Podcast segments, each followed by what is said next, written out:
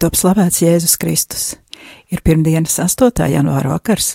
Jūsu radioaparātos skan Radio Marija Latvija, ēterā raidījums vairāk tevis manī, un studijā ar jums kopā es Sandra Prēsa. Vēl pavisam nesen sagaidījām jauno 2018. gadu, bet vakar, 7. janvārī ar Jēzus Kristīšanas svētkiem, jau ir noslēdzies Ziemassvētku laiks. Pagājušajā pirmdienā mēs runājām par pateicību, un daudz lasījām svēto rakstu fragmentus. Šodien tēmu turpināsim no cita skatu punkta. Sasaistīsim to ar mūsu ikdienu, lūkšanu dzīvi, un kā jau esam iesākuši arī ar domāšanu. Bet tagad palūksimies, lai svētīga mums šī pusstunda ēterā. Bet mūziku vēl paklausīsimies priecīgu no Ziemassvētku repertuāra. Un tagad lūksimies Dieva tēva un dēla un svētā gara vārdā Āmen. Tēvs mūsu, kas esi debesīs, svētīts lai top tavs vārds, lai atnāk tava valstība, tavs prāts, lai notiek kā debesīs, tā arī virs zemes. Mūsu dienišķo maizi dod mums šodien, un piedod mums mūsu parādus, kā arī mēs piedodam saviem parādniekiem, un neieved mūsu kārdināšanā, bet atpestī mūs no ļaunā. Āmen! Brum, brum, brum, brum, Bum, they told me, ba-ra-ba-bum, bum, brum, brum, brum, a newborn king to see, ba-ra-ba-bum, bum, our finest gifts will bring, ba-ra-ba-bum, bum, to lay before the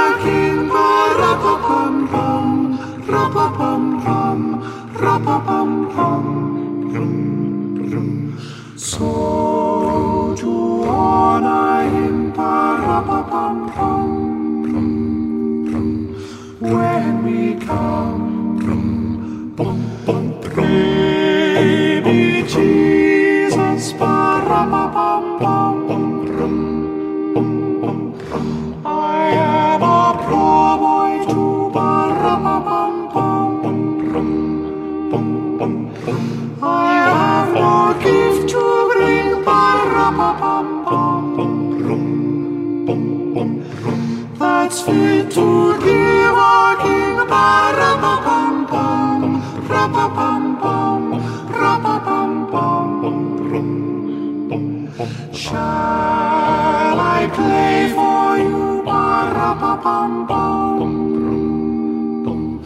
on my drum?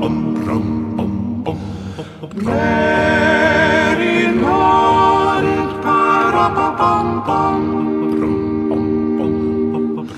The ox and ass kept time. I played my drum for him.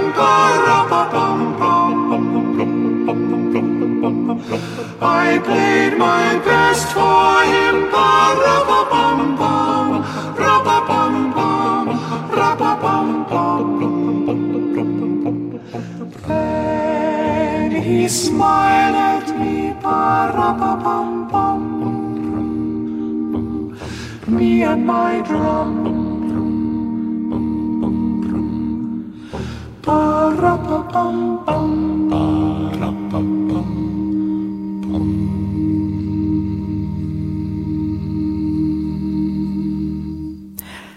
Lūk, izskanēja šī jaukā Ziemassvētku dziesma par mazo bundzinieku, bet mēs atgriežamies pie mūsu raidījuma tēmas. Iepriekšējā raidījumā mēs iesākām runāt par pateicību, bet darījām to nedaudz it kā vēsturiskā aspektā, lasot vecās derības fragmentus un no morālā un personības pilnveidošanās aspekta nedaudz ieskatoties Kalnas prediķa fragmentos. Kādi tad bija galvenie secinājumi iepriekšējā raidījumā? Ko tad mēs varam par pateicību uzzināt, lasot Bībeli un neiedzinoties pārāk augstās teoloģijas teorijās? Vecā derība vairāk māca tieši par pateicību Dievam, uzsverot, ka visu saņemam un tādēļ esam pateicību parādā. Pateicības būtības pamatā ir pateicības jeb miera upuris, dāvana Dievam.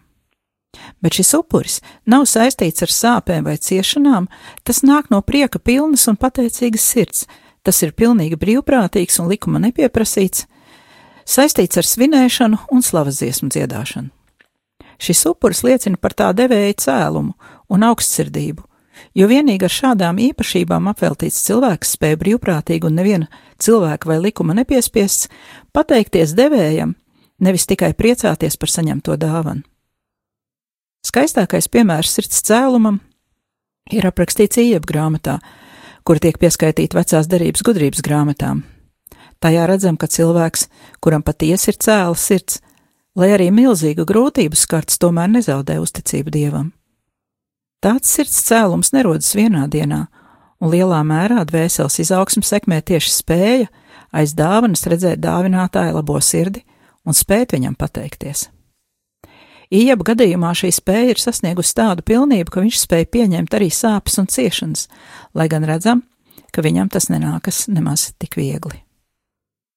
Arī jaunā derība runā par pateicību Dievam un slavas dziesmu dziedāšanu. Jā, pateicība vienmēr iet roku rokā ar slavēšanu, piemēram, otrā vēstulē korintiešiem 1, 3.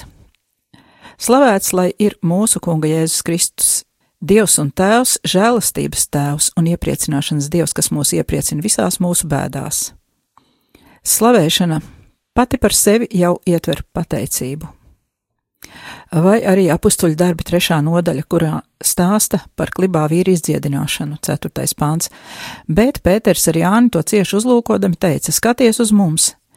Tas pievērsās viņiem, cerēdams kaut ko no viņiem saņemt, bet Pēters sacīja: Sudraba un zelta man nav, bet kas man ir, to es tev dodu. Nācerieši Jēzus Kristus vārdā staigā, un satvērs pie labās rokas, Pēters to pacēla un tūdaļ viņa pēdas un krumšļi kļuva stingri, un uzlaicis kājās viņš varēja staigāt. Viņš iegāja ar viņiem kopā, templī, staigāja, lēkāja un slavēja Dievu. Un visi ļaudis redzēja viņu staigājam un Dievu teicam. Citāta beigas. Bet gadījumos, kad mēs paši gaidām kaut kādas pateicības no citiem vai uzslavas, varam ieskatīties, ko Jēzus mums māca savā kalna sprediķī.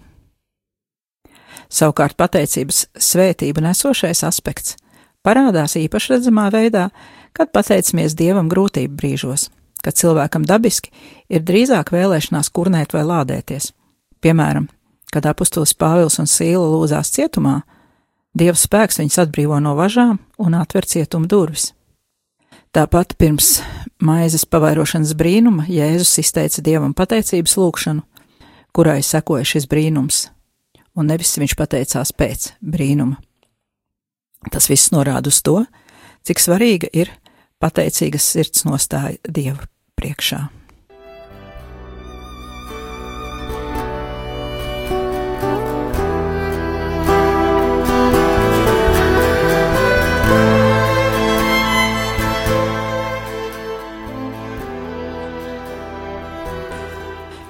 Tomēr tagad aicinu paskatīties mums katram uz sevi šajā pateicības un slavēšanas kontekstā. E, kur mums, cilvēkiem, varētu rasties grūtības?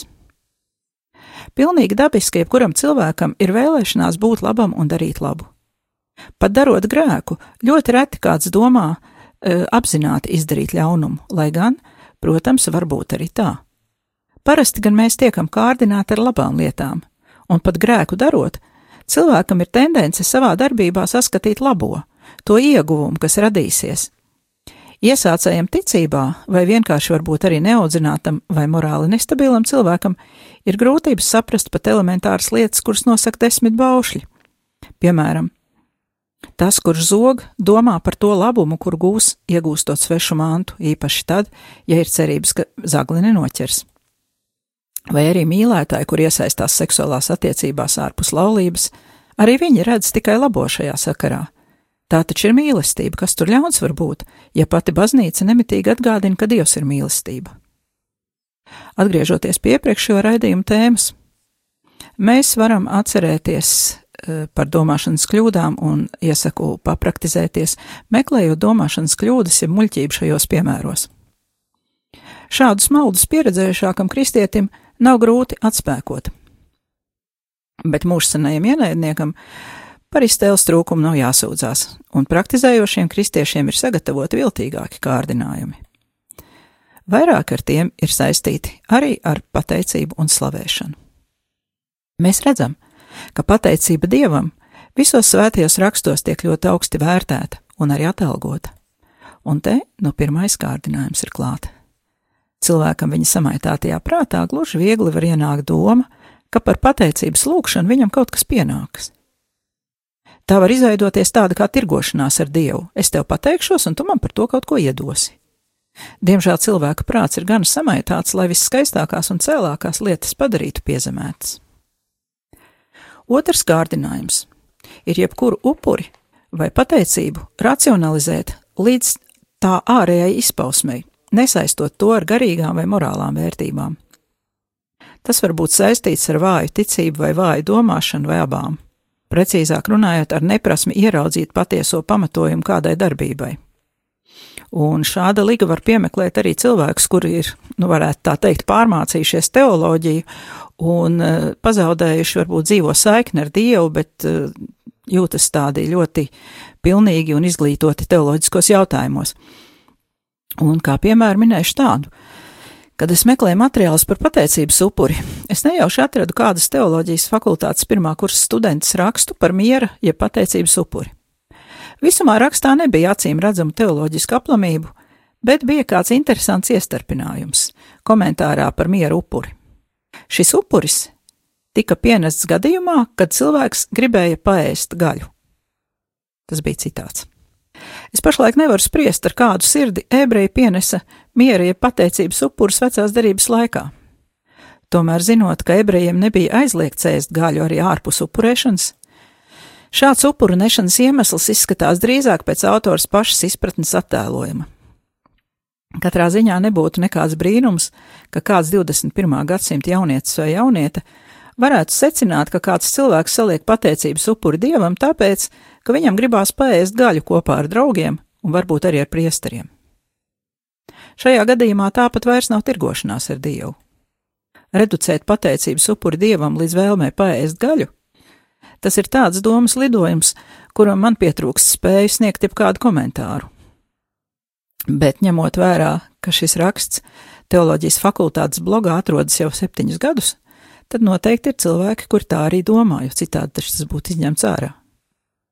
Tad jau varam novest šo domu līdz absurdam, sakot, ka mēs pie diogalda ejam, lai pāēstu neraudzētu maizi. Bet vai tad tiešām? Trešais kārdinājums ir pazīstams jau no Bībeles laikiem. Pirmajā vēstulē korintiešiem 14. nodaļā apustulis Pāvils saka no 16. panta: Ja tu garā slavē Dievu, kā gan vienkāršais draudzes loceklis pēc tavas pateicības varēs sacīt tavu āmeni, jo viņš nesaprot, ko tu runā? Varbūt tava pateicība ir laba, bet tā citu neceļ. Citāta beigas. Šis ir kontekstā ar runāšanas mēlēs dāvanu. Un atkal redzam, ka slavēšana un pateicība ir minētas kopā, bet kur šeit ir problēma? Šis kārdinājums attiecas uz tiem, kuri ir saņēmuši mēļu dāvanu.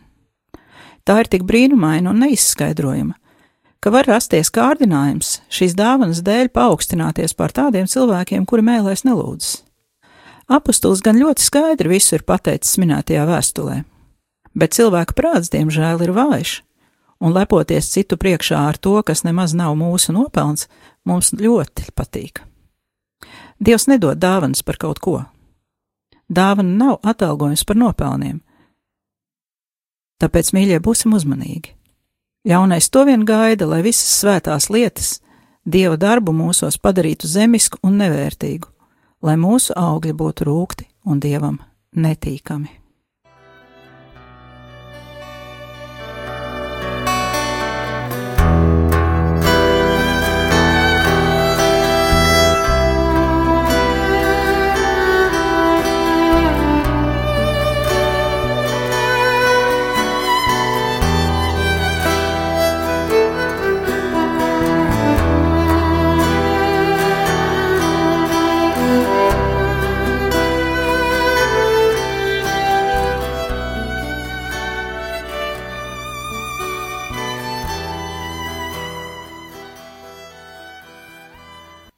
Šie kārdinājumi tiem, kuri prot pateikties, varētu būt diezgan bīstami.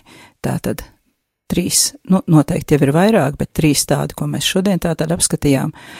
Pirmais kārdinājums - tirgošanās ar Dievu, otrais uh, - racionalizēšana un jēgas, īstās jēgas pamatojuma zaudēšana kādai darbībai, un trešais kārdinājums - paaugstināties pār citiem. Bet ir vēl viena lielāka nelaime par šo tā ir neprasme vai nespēja pateikties vispār. Visā krāšņumā mēs to varam novērot savā ikdienā.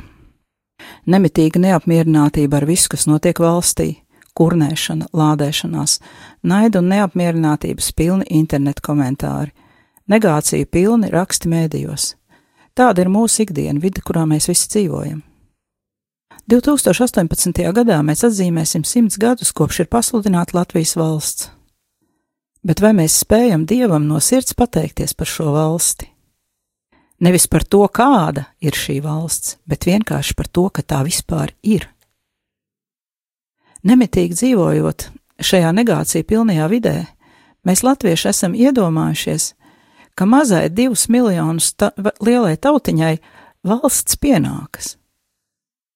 Un neizdarām nekādus secinājumus redzot, kā citas Daudz lielākas tautas ilgojas pēc savas neatkarīgas valsts, un viņiem tās nav. Cik daudzām tautām valsts līmenī nav iespējas runāt un kārtot visu dzimtajā valodā? Cik daudzām tautām viņu dzimtā valoda nav valsts valoda? Mums tas viss ir dots. Jā, varam jau teikt, ka paši cīnījāmies. Daudzi cīnās, bet ne visi izcīna. Mēs neesam pelnījuši, mēs neesam labāki par citām tautām. Pat dieva izredzētā tauta nemitīgi karo par to mazo zemes gabaliņu, kurš viņiem ir dots, bet pie mums ir miers. Tā ir milzīga dieva dāvana, ka, ka mums izdevās savu valsti izcīnīt. Un žēl, ja skatāmies uz to līdzīgi kā iepriekš minētajā piemērā par upuri.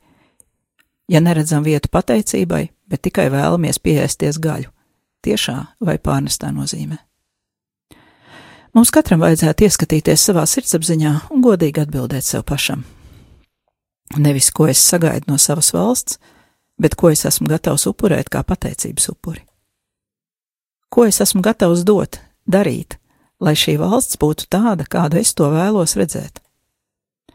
Un galu galā, vai man vispār ir savas valsts vīzija? Vai es zinu, kādu es to gribu redzēt? Un kas man to visu sagādās? Septiņi rūtīši, zelta ziltiņa, vai tomēr paša ieguldījums? Dievs nav zelta ziltiņa vai džins pudelē, kurš izpild visas vēlēšanās.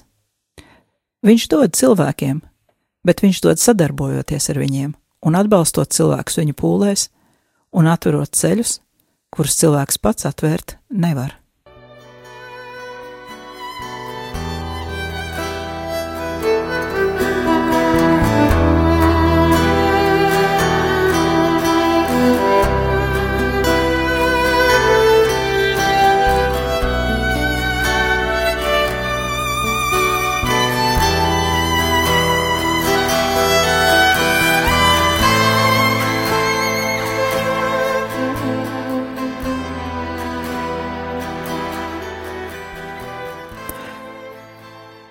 Portālā Mana balss ir izveidota iniciatīva sakarā ar Latvijas simtgades svētkiem. Un šī iniciatīva aicina daļu naudas no tiem, no tās naudas, kur paredzēta valsts simtgades svinēšanai, izmantot vēža slimnieku ārstēšanai. Šo iniciatīvu jau ir parakstījuši 3126 cilvēki no nepieciešamajiem desmit un to ir iesniedzis kāds jauns cilvēks vārdā Alvils Aurels Puričs, augstskolas turība students. Naudas izlietojums, par kuru ir runa, paredzēts ir pieciem gadiem, un tie ir 22,3 miljoni no valsts budžeta. Tas ir 4,46 miljoni gadā vidēji. Un svarīgākie pasākumi, kam šī nauda ir paredzēta, ir ārlietu ministrijas diplomātiskā programma 70 pasaules valstīs, Tad ir 13,5 miljoni paredzēti tādai akcijai Latvijas skolas soma, eh, kuras ietvaros 200 tūkstoši bērnu varēs iepazīties ar kultūras un mākslas vērtībām. Tad 2,5 miljoni ir atvēlēti kultūras norisēm reģionos, 1,5 miljoni programmai Lauki ienāk pilsētā. Tad vēl nauda tiks tērēta arī starptautiskai kultūras programmai un starptautiskās programmas un ārējās komunikācijas nodrošināšanai. Es noteikti neesmu pret to, ka kāda cilvēka dzīve varētu tikt pagarināta par valsts naudu. Bet pat tad, ja visu pateicības upuru naudu iztērētu slimniekiem, cilvēki turpinās slimot un mirt. Tāda ir pasaules kārtība, un to ne ar kādu naudu nevar apturēt. Ir vēl bezgalds daudz citu vajadzību, kurām arī ir vajadzīga nauda, un naudas vienmēr būs par maz. Bet vai valsts ir vienīgi slaucama govs? Sava valsts. Vai mūsu valstī nav jātiek prezentētai pasaules priekšā, vai mūsu skolēniem nav vajadzīgs iepazīt mākslas un kultūras vērtības? Vēl viens jautājums, par kur mēs bieži aizmirstam, kas tad vispār ir šī valsts nauda? Kur tā rodas? Varbūt ir veselīgi apsēsties un parēķināt, cik personīgi es esmu samaksājis nodokļos, izrēķināt konkrētu summu. Tā ir izrēķinām. Vai manu nodokļu nauda pietiek, lai būtu nosakta mana un manu bērnu izglītība, manas ārstēšanās reālās izmaksas, ielu un starppilsētu ceļu remonti, transporta infrastruktūra un citas lietas, kuras es izmantoju un domāju, ka man tas pienāks par brīvu. Ja es nemaksāju nodokļus un lādu valsti, vai man ir tiesības kaut ko no tās pieprasīt? Ja negribam iedziļināties grāmatvedības niansēs, Atveram, piemēram, Svetbanka algas kalkulātoru un varam parēķināt. Tā kā šobrīd neviens negrib saņemt mazāku algu par tūkstotu mēnesī uz papīra vismaz, tad iziesim no šī cipara, ko rāda kalkulators. Pieaudzis cilvēks, kuram nav apgādājumu un citu atvieglojumu, pie šīs algas 1000 eiro mēnesī uz papīra rokā saņems 712 eiro nodokļos kopā ar to summu, ko maksā darba devējs, samaksās 528 eiro. Tātad gadā no viena strādājošā eh, valsts budžetā nonāks 6336 eiro. Ja šis cilvēks 20 gadus strādās ar algu 1000 eiro mēnesī, Viņš 20 gadu laikā valsts budžetā ienesīs 126,720 eiro, ja viņam tajā laikā nebūs bērni, ja viņam tajā laikā nebūs bezdarbnieku pabalsts vai kādas citas lietas, jo tad šī summa uzreiz samazināsies. Un summā, ko cilvēks ienes valsts budžetā, ir iekļauta maksa par izglītību sev un bērniem, par skolu, augstskolu uzturēšanu un remontu, sabiedriskā transporta infrastruktūras uzturēšanu, ārstēšanās, transports, ceļi, valsts atalgoto cilvēku algas, skolotāji, policija, ugunsdzēsēji, ārsti, ierēģi, atbalsts zinātnei, visi atvieglojumi, pabalsti un pensijas. Un tā mēs varētu turpināt bezgalīgi, jo vajadzību valstī ir ļoti daudz. Mūsu pašu ieguldītā nauda nāk mums atpakaļ vērtībās, eh, par kuru organizēšanu rūpējas valsts. Nekas nav bez maksas, tā ir ilūzija un nevienam nekas nepienākas bez maksas. Ja es nemaksāju nodokļus par manu bērnu izglītību, un man slimību ārstēšanu maksā kāds cits ar saviem nodokļiem. Un kamēr mēs visi valsts pilsoņi neiemācīsimies domāt loģiskās sakarībās un izdarīt attiecīgus secinājumus, mēs, diemžēl, dzīvosim atbilstoši tam, kā mēs domājam.